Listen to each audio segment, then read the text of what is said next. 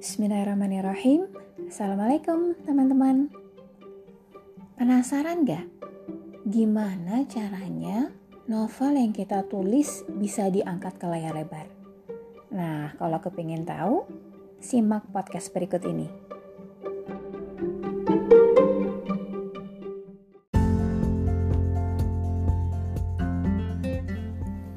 Banyak gak novel yang diangkat ke layar lebar? Jawabannya banyak. Kalau teman-teman hobi menonton film, pasti tahu deh film-film mana saja yang diadaptasi dari novel.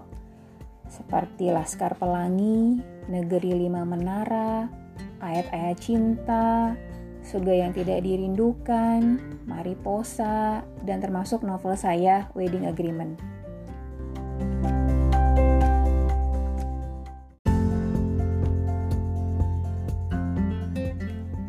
Saya akan cerita sedikit bagaimana novel saya bisa diangkat ke layar lebar. Jadi Wedding Agreement ini novel pertama yang saya terbitkan, tapi bukan cerita pertama yang saya tulis. Saya menulis sejak 2017 uh, waktu itu di Wattpad. Nah, sampai 2018 itu sudah sekitar 9 cerita yang saya tulis di Wattpad ya kalau nggak salah dan wedding agreement ini adalah cerita ke-10 yang saya tulis. Saya masih ingat cerita pertama saya itu adalah di Resmai. Alhamdulillah sekarang sudah terbit dan tersedia di toko buku. Tapi kalau saya baca-baca lagi cerita-cerita yang saya tulis awal-awal itu kayak malu gitu ya, malu sendiri karena kayak ancur, alay, lebay gimana gitu.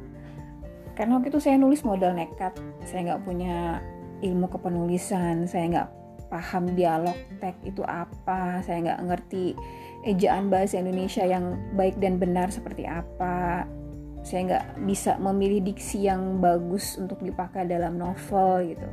Jadi yang ada dalam pikiran saya itu pokoknya nulis aja dulu.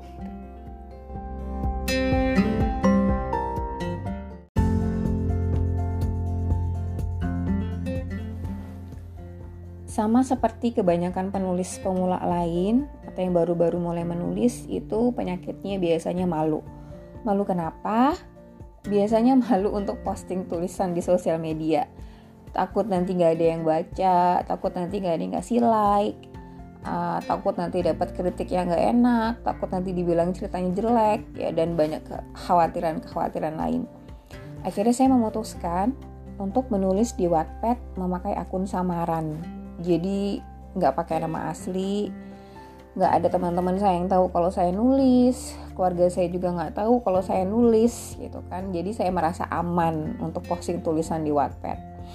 Nah setelah saya posting bab pertama um, alhamdulillah ada yang baca ternyata. Ada yang baca kemudian ada yang like kemudian ada yang kasih komen gitu kan. Akhirnya terus saya posting lagi bab-bab selanjutnya tambah banyak yang baca tambah banyak yang kasih komen dan komen yang paling saya suka itu kalau ditagi-tagih kapan nih bab selanjutnya kak? Itu kan tuh mood booster banget bagi kita penulis ya untuk menuliskan bab-bab selanjutnya gitu. Nah dari sana alhamdulillah makin banyak uh, yang baca akhirnya semakin semangat untuk menulis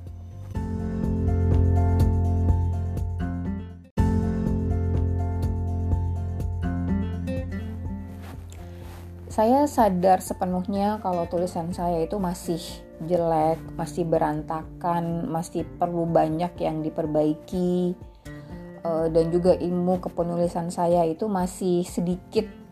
Jadi maka dari itu saya belajar. Saya belajar lagi supaya apa? Supaya tulisan saya semakin baik. Jadi saya bisa memberikan yang terbaik untuk membaca. Uh, saya belajar dari mana aja? Saya pertama sih lewat internet ya belajarnya ya. Saya browsing browsing di internet tentang artikel artikel kepenulisan itu kan banyak banget ya. Jadi sebenarnya kita mau atau enggak aja nyari gitu. Sebenarnya udah banyak tersedia. Saya belajar cara memilih karakter yang baik seperti apa belajar bikin plot belajar bikin outline kemudian masuk ke hal-hal teknis kayak pemakaian huruf besar huruf kecil eh, pemakaian dialog teks dan sebagainya sebagainya jadi yang pertama saya browsing di internet, kemudian saya ikut pelatihan kepenulisan. bagi saya penting banget untuk ikut ya pelatihan kepenulisan karena kita belajar dari senior kita gitu ya dari eh, penulis-penulis uh, yang mumpuni lah gitu ya saya ikut dari yang gratis sampai yang berbayar. Jadi teman-teman jangan pernah merasa rugi kalau ikut pelatihan kepenulisan itu harus membayar. Karena ilmu yang uh, teman-teman dapatkan itu nantinya bisa teman-teman pakai ketika menulis novel. Nah, setelah ikut banyak pelatihan kepenulisan, saya bergabung dengan komunitas menulis. Komunitas menulis saya pikir penting ya untuk menjaga semangat kita, semangat menulis gitu karena terpacu kan ya kalau teman-teman di komunitas udah ada yang selesai naskahnya, udah ada yang menerbitkan novel itu mood booster gitu bagi kita untuk ikut menyelesaikan naskah yang kita tulis.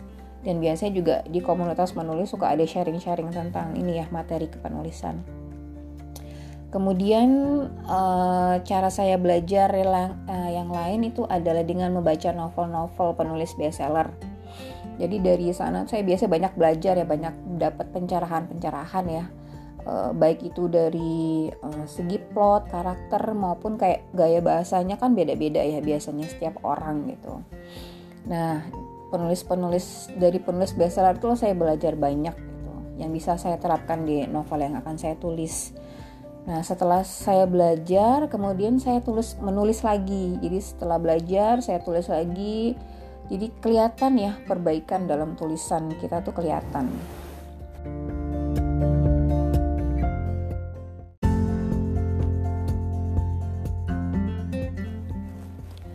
Saya sudah ceritakan ya kalau wedding agreement itu adalah cerita ke-10 yang saya tulis.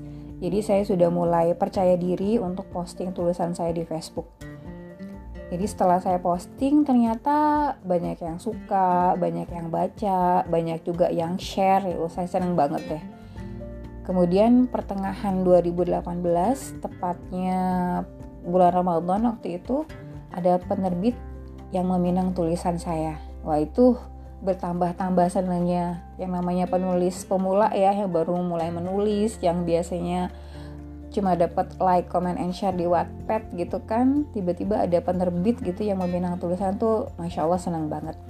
Akhirnya setelah diskusi dengan penerbitnya diskusi dengan suami akhirnya saya memutuskan untuk self publishing nah dari novel yang pertama ini saya banyak banget belajar tentang dunia penerbitan tentang dunia percetakan banyaklah yang ilmu yang saya dapatkan gitu kan Nah, terus gimana ceritanya novel tersebut bisa difilmkan?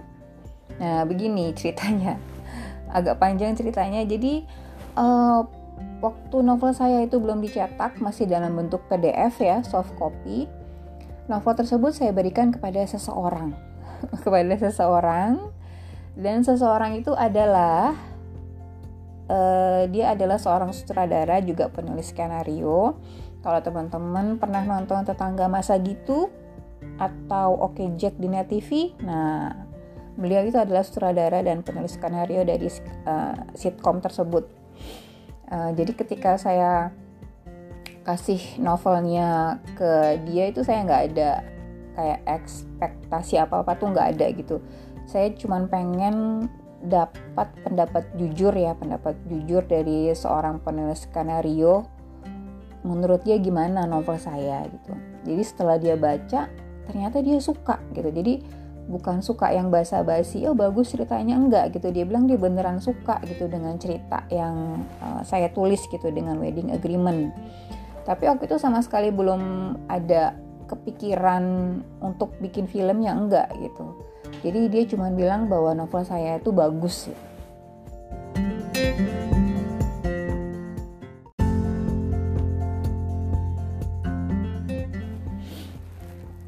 Sampai beberapa bulan kemudian saya ketemu lagi sama sutradaranya. Nah pas ketemuan itu dia nawarin ke saya, gimana kalau novelnya dijadiin film? Saya yang, hah seriusan, beneran, yakin. Karena kan novel saya kan nggak terbit di toko buku ya, belum jadi bestseller juga. Masih banyak kekurangan lah pasti karena ini kan novel pertama saya yang terbit gitu kan. Tapi uh, Bismillah aja gitu. Bismillah kalau memang Allah sudah tetapkan novel saya diangkat ke layar lebar insya Allah akan ada jalannya. Jadi waktu itu sutradaranya bawa novel saya ke Star Vision uh, salah satu PH besar di Indonesia. Uh, kemudian setelah menunggu beberapa lama akhirnya sutradaranya ngasih tahu ke saya ternyata belum diterima jadi memang belum ya belum memang belum jodohnya belum waktunya sih kalau saya bilang ya. Uh, sedih ya ada rasa sedih tapi saya tidak kecewa karena saya juga nggak pasang harapan yang terlalu tinggi atau ekspektasi berlebihan enggak jadi saya pikir ini belum waktunya aja. Kalau memang Allah sudah tetapkan novel saya dijadikan film insya Allah akan jadi. Cuman mungkin belum sekarang. Jadi uh, itu yang saya yakini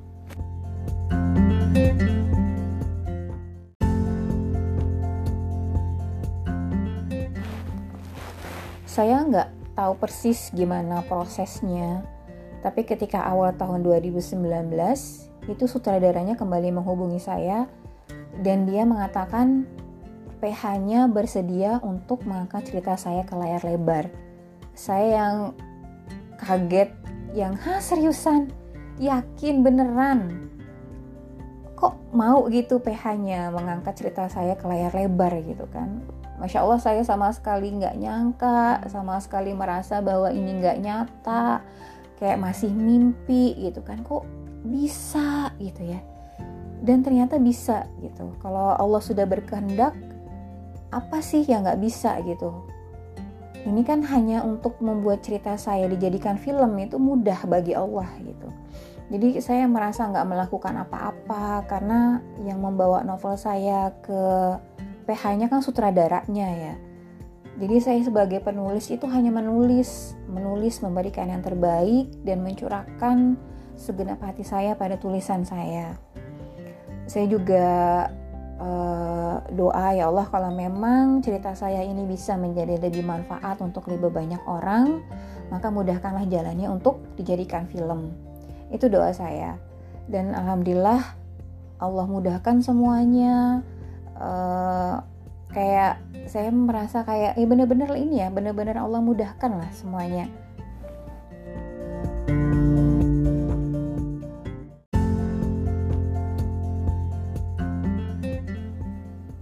saya banyak dapat pertanyaan gimana sih kak cara nulis novel yang nantinya bisa dijadikan film Nah, saya jawabnya juga agak bingung karena saya nggak punya jawaban yang pasti. Kalau kita lihat sih kebanyakan biasanya dari novel-novel bestseller ya atau dari novel-novel Wattpad yang pembacanya mungkin udah 20M, 60M gitu kan. Tapi nggak juga sih. Uh, novel saya Wedding Agreement waktu itu belum terbit di toko buku, belum bestseller, pembaca di Wattpad juga masih sekitar 6 apa 7 M ya, belum sampai 10 M waktu itu tapi kadarullah dengan izin Allah bisa dijadikan film gitu. Jadi menurut saya daripada kita memikirkan novel dijadikan film lebih baik kita memikirkan gimana sih cara bikin novel yang bagus? Gimana sih bisa menghasilkan tulisan yang terbaik? Nah insya Allah mulai dari sana dulu gitu. Kalau saya sih yang saya lakukan pertama saya setting niat ya. Setting niat tujuan saya menulis apa, goal saya menulis apa gitu. Coba teman-teman tanya ke diri masing-masing deh. Kita nulis tuh untuk apa gitu. Karena kan menulis bukan pekerjaan yang mudah ya. Apalagi banyak yang mungkin di tengah jalan itu berhenti menulis gitu kan. Banyak yang tidak menyelesaikan naskahnya. Nah, jangan sampai kita seperti itu. Jadi teman-teman harus punya tujuan yang besar sehingga bisa mengalahkan rasa malas uh, uh, ketika ingin berhenti menulis. Kemudian belajar itu belajar udah pasti ya. Kalau teman-teman sudah punya karya, sudah terbit satu buku, 10 buku, itu belajar itu harus terus gitu. Karena kan menulis itu kan menuangkan isi pikiran ya. Nah, pikiran kita kalau tidak diisi dengan wawasan yang baru, ditambah lagi wawasan lagi, uh, nanti kita nggak punya bahan untuk menulis. Jadi belajar itu wajib.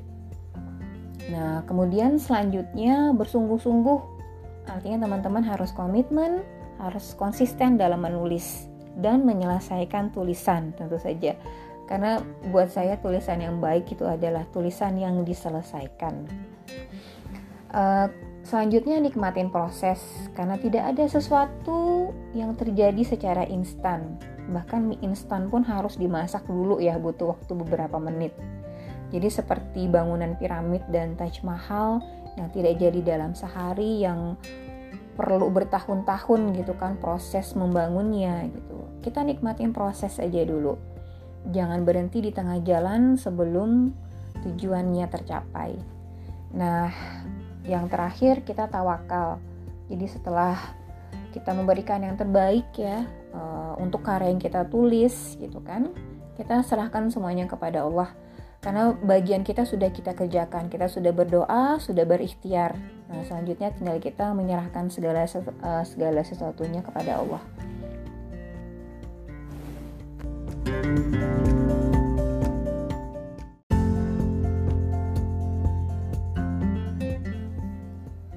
Kalau mendengar cerita saya tentang perjalanan novel Wedding Agreement bisa jadi dijadikan film, kayaknya mudah dan lancar ya.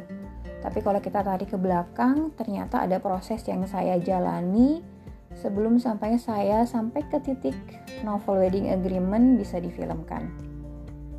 Saya menulis cerita yang pertama dulu, kemudian saya belajar lagi, saya lanjut nulis cerita yang kedua, itu prosesnya saya ulangi terus sampai saya menulis cerita yang ke-10 yaitu wedding agreement yang akhirnya dijadikan film. Seandainya saya berhenti pada cerita kelima, atau cerita keenam, walau alam apakah akan ada novel wedding agreement yang dijadikan film. Nah, jadi bagi saya sebagai penulis, tugas kita itu ya menulis. Selesai satu tulisan, kita pindah ke tulisan yang lain. Kita selesaikan, kita pindah ke tulisan yang lain. Terus seperti itu berulang sambil kita belajar, sambil kita memperbaiki kualitas tulisan. Karena kita tidak akan pernah tahu cerita mana yang Allah pilih untuk diterbitkan. Kita tidak akan pernah tahu cerita mana yang akan Allah pilih untuk dijadikan film. Jadi buat saya tugas sebagai penulis itu ya menulis, menulis dan memberikan yang terbaik untuk tulisannya. Kalau memang sudah jalannya, memang sudah Allah tetapkan, nanti novel yang teman-teman tulis bisa kok dijadikan film.